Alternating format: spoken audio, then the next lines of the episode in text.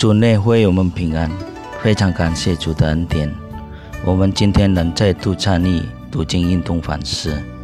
读经运动反思之前，请阅读本日读经运动的经文和请阅读本日读经运动的短诗。主内的弟兄姐妹平安。现在我们要再次的预备我们的心来思想神的话语。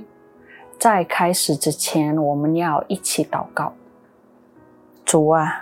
今天我们还有机会来聆听和思想神的话语，是因为神的恩典。我们今天所面对的事情，求主耶稣帮助我们，给我们力量。现在我们要先预备我们的心来阅读经文，并反思今天的灵修内容。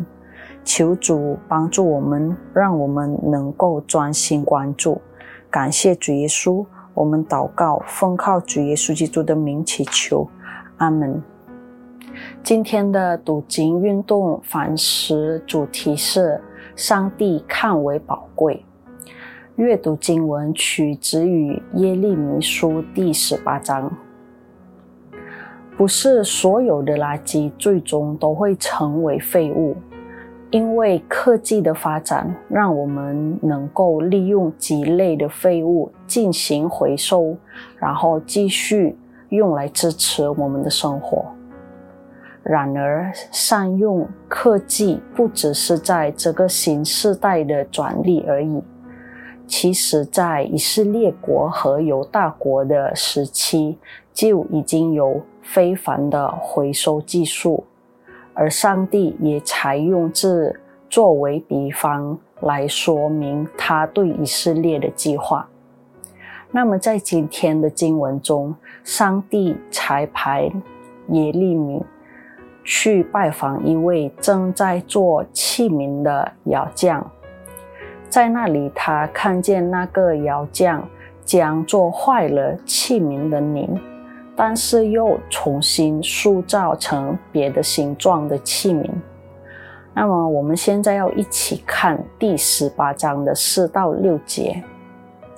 窑匠用泥做的器皿在他手中做坏了，他又用这泥另做别的器皿。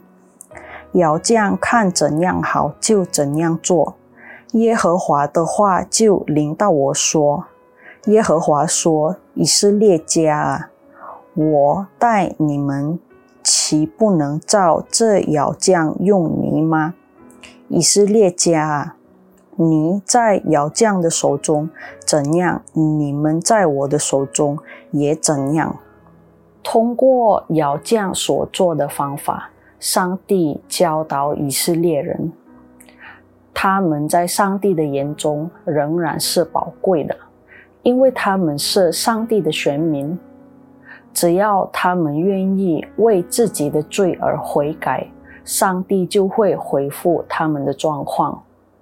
窑匠把破损的器皿回收成为新的器皿一样，上帝赐给他殖民的爱和恩典是何等奇妙！但是。现在我们也要看在第十八章的十到十七节。他们若行我眼中看为恶的事，不听从我的话，我就必后悔，不将我所说的福气赐给他们。现在你要对犹大人和耶路撒冷的居民说：耶和华如此说。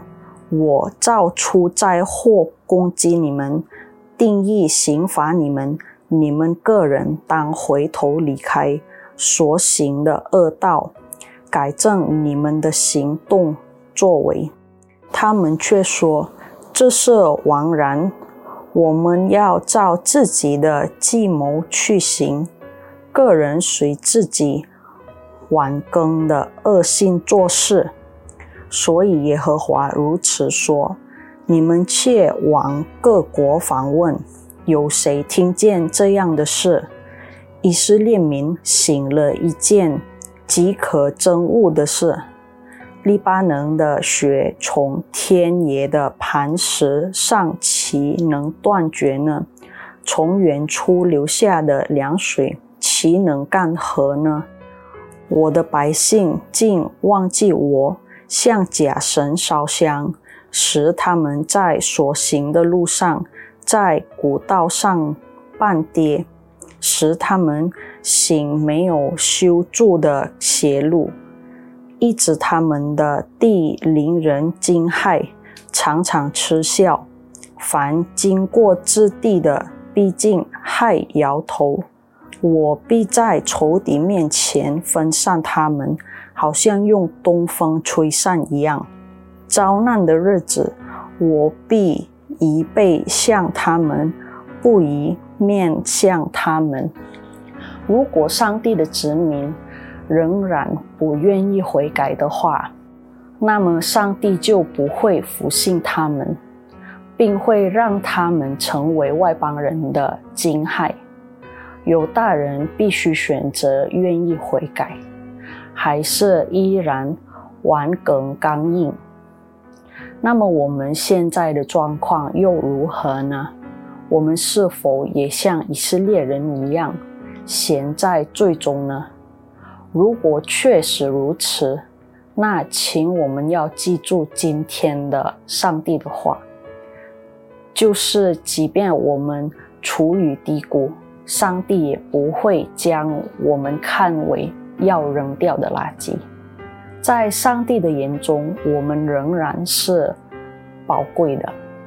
他能像要匠一样回复我们的状况，但是我们自己也必须愿意悔改而改变，这样我们的生命才能够再次的荣耀上帝。成为贵重的器皿来做上帝的工。您醒悟到您的生命中有某些部分需要上帝回收的吗？您曾否将把您的生命交托给上帝，交托给上帝充满慈爱的双手，来重新被塑造？我们要一起祷告。主啊，唯有你的手塑造我们，你的慈爱充满我们的生命。我们的生活在神的手里是多么有保重的，让我们也能够完全有平安。我们交托我们的生活在上帝的手里，求上帝帮助我们能够有一个愿意悔改的心，让我们能够再次的荣耀上帝的名。求主帮助我们，我们祷告，奉主耶稣基督的名祈求，阿门。愿上帝祝福您，上帝爱您，我们下次再见。